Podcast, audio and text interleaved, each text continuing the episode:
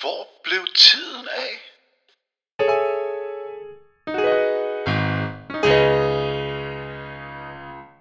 Velkommen til Hvor blev tiden af?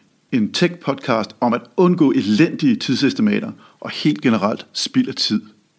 Mit navn er Niels Christensen, og mit firma Elfin hjælper organisationer med at få mest ud af den tid, der er givet os. Hvert afsnit i den her podcast var cirka en kop kaffe, så skynd dig at fange en, og lad os komme i gang. I dag skal vi besøge en af de helt store spillere, nemlig Google. Og vi skal låne deres bog, der hedder Site Reliability Engineering. Vi bladrer frem til kapitel 3, som hedder Embracing Risk. Der kort sagt handler om, hvordan man kontrollerer, hvor meget virkeligheden får lov til at forstyrre målet. Som du sikkert selv har erfaret, så er det, at virkeligheden kommer ind og afbryder planen, noget af det, der gør det allersværest at estimere, hvor lang tid man i sidste ende bruger. Derfor, hvis man er i stand til at begrænse, hvor mange afbrydelser man får fra siden, jo bedre bliver ens estimater, simpelthen fordi man er i stand til at arbejde på en måde, der opfylder dem. I bogen omtales alle de her afbrydelser som risiko, fordi i Googles tilfælde er den største kilde til afbrydelser, nemlig fejl og nedbrud, som man bliver nødt til at gøre noget ved med det samme. Googles strategi er ikke at undgå risiko for enhver pris, men at blive gode venner med risiko og lære den at kende. At acceptere små brænde, men at lægge et budget for dem, det der hedder et error budget, og det kommer vi ind på. Og man får så lov at skifte fokus, eller man tvinger faktisk sig selv til at skifte fokus væk fra sin hovedopgave, når budgettet for fejl er overskrevet. Det er en fed måde at tænke på, så lyt med her og læs bogen, hvis du vil have alle detaljerne med.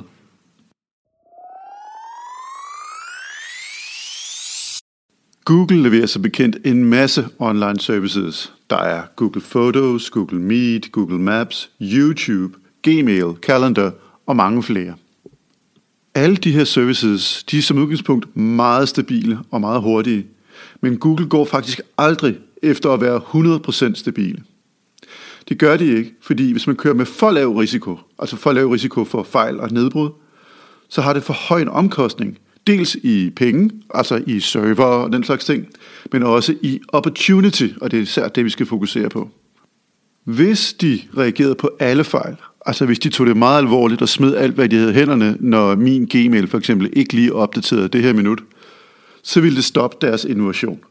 Fordi så ville de bruge al tiden på at rette små fejl, i stedet for at komme videre og lave nye features.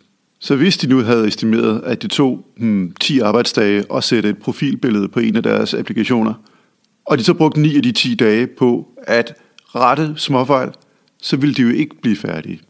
Og så ville gættet på 10 dage jo være forkert, selvom det på en måde var rigtigt til at starte med. Derfor er der strategi. Embrace risk. Bliv gode venner med risiko, og lær at kontrollere og arbejde med den. Forudsætningen for det er, at man kan sætte tal på den risiko, så lad os starte med at kigge på, hvordan Google egentlig angriber det. Helt specifikt skal vi tale om, hvordan de sætter mål for availability, altså det man også nogle gange kalder oppetid.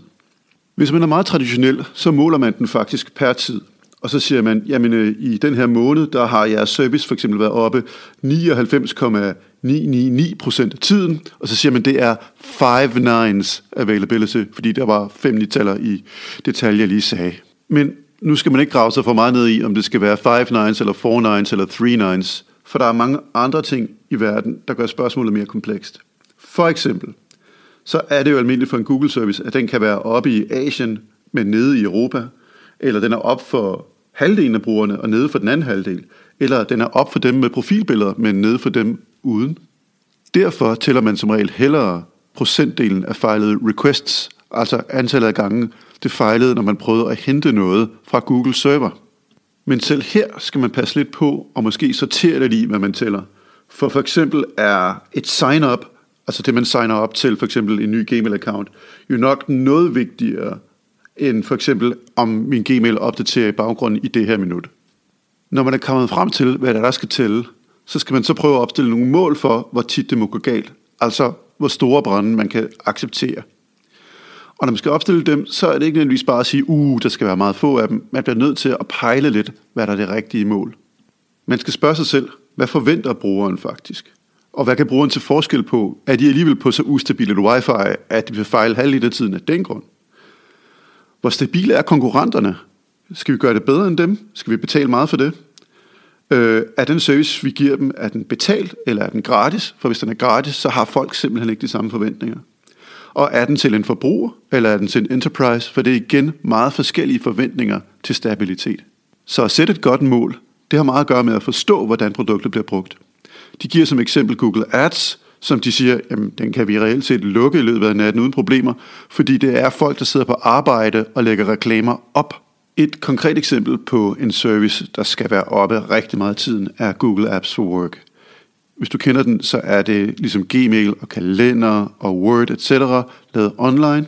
Og det er en service, som de sælger til virksomheder, og som man derfor har en forventning om, man kan bruge i sit daglige arbejde uden afbrydelser. De lover, når man laver kontrakten med dem, at have en oppetid, en SLA, som det hedder, på 99,9% oppetid. Det er værd at bemærke, at de internt har noget, der hedder en SLO, som er det interne mål for, hvor meget den skal være oppe. Og den er meget skarpere.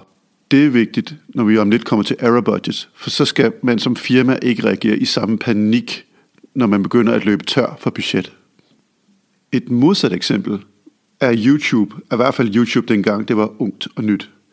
Det ændrede og udviklede sig meget hurtigt. Derfor var det vigtigt, at deres team havde tid til at lave innovation, snarere end at rette småfejl konstant.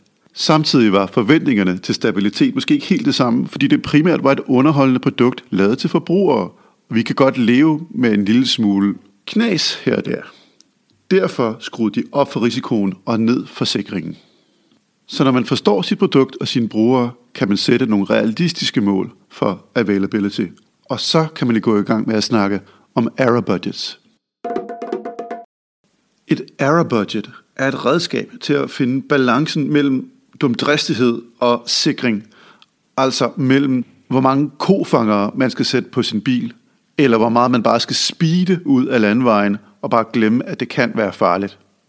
Helt konkret for et softwareudviklingsprojekt kan man for eksempel finde balancen mellem, hvor meget tid man skal bruge på at håndtere eksotiske fejl, hvor meget tid man skal bruge på at lave test, versus at skulle skrive nye features og lave nye releases. En anden balance, de giver som eksempel i bogen, er brugen af canarying. Og hvis du ikke ved, hvad det er, så nævner jeg det lige.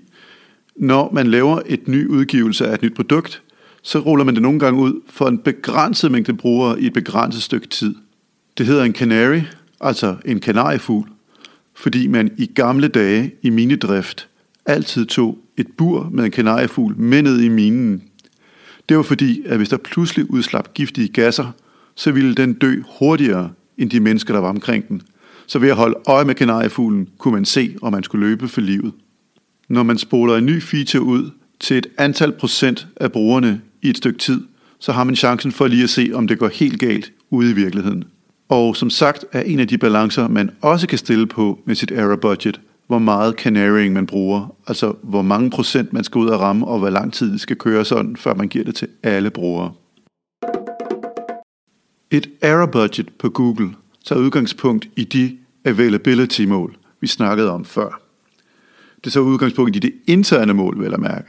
Ikke nødvendigvis det eksterne, du aftaler med kunden, men der, hvor du gerne vil ramme.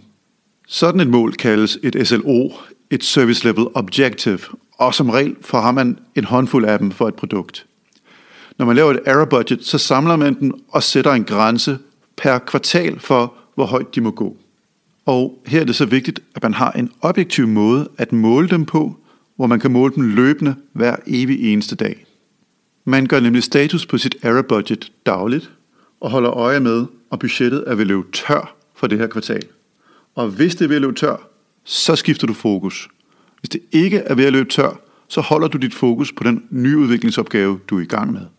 Helt konkret vil det sige, at du begynder at stille på de balancer, vi snakkede om før, og det vil sige, at du fjerner dit fokus helt eller delvist fra det, du skynder dig med, og i stedet kigger på at sige, skal vi have flere test? Skal vi bygge mere fejltolerance? Skal vi bruge mere canarying?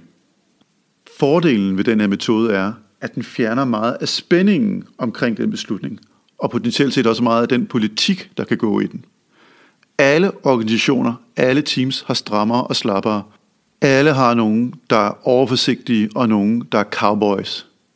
Error fjerner selv den her mavefornemmelse fra at tage en konkret beslutning. Man følger et sæt regler, man allerede har vedtaget. Og det er transparent, at det følges, hvilket også gør, at de forsigtige kan være trygge om, at hvis det går galt, så bliver der reageret. Og dem, der heller vil gå rigtig hurtigt frem, også ved, at man ikke får lov til at holde tilbage, når der ikke er noget galt. På den måde kan alle lære at blive gode venner med risikoen.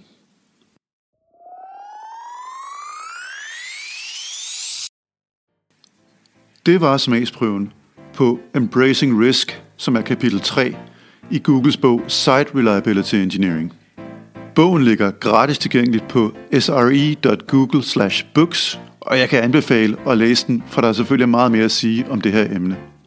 Men for at opsummere det. Når virkeligheden ødelægger planen i et softwareprojekt, sådan så vi går over vores estimat, så er det tit fejl og nedbrud, som har taget opmærksomheden væk fra vores hovedopgave. Google arbejder med den risiko ved at sætte fartgrænser for ny udvikling, det de kalder error budgets.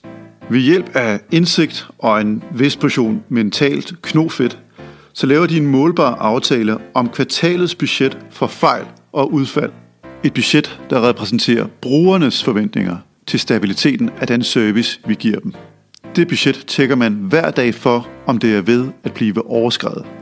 Og så længe man har sorte tal på bundlinjen af sit error budget, så har man friheden til at give den gas og lave ny udvikling, og på den måde have optimale forhold for at ramme de estimater, man i sin tid har lavet.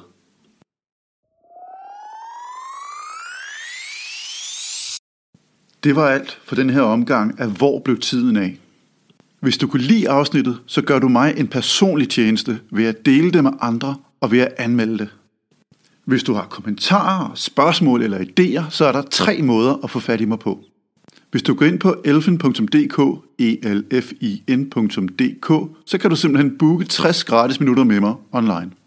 Du kan også skrive på Twitter, hvor navnet er elfin underscore dk, altså elfin understregning dk. Og hvis du er mere til e-mail, så skriv til mig på nils Tak for nu.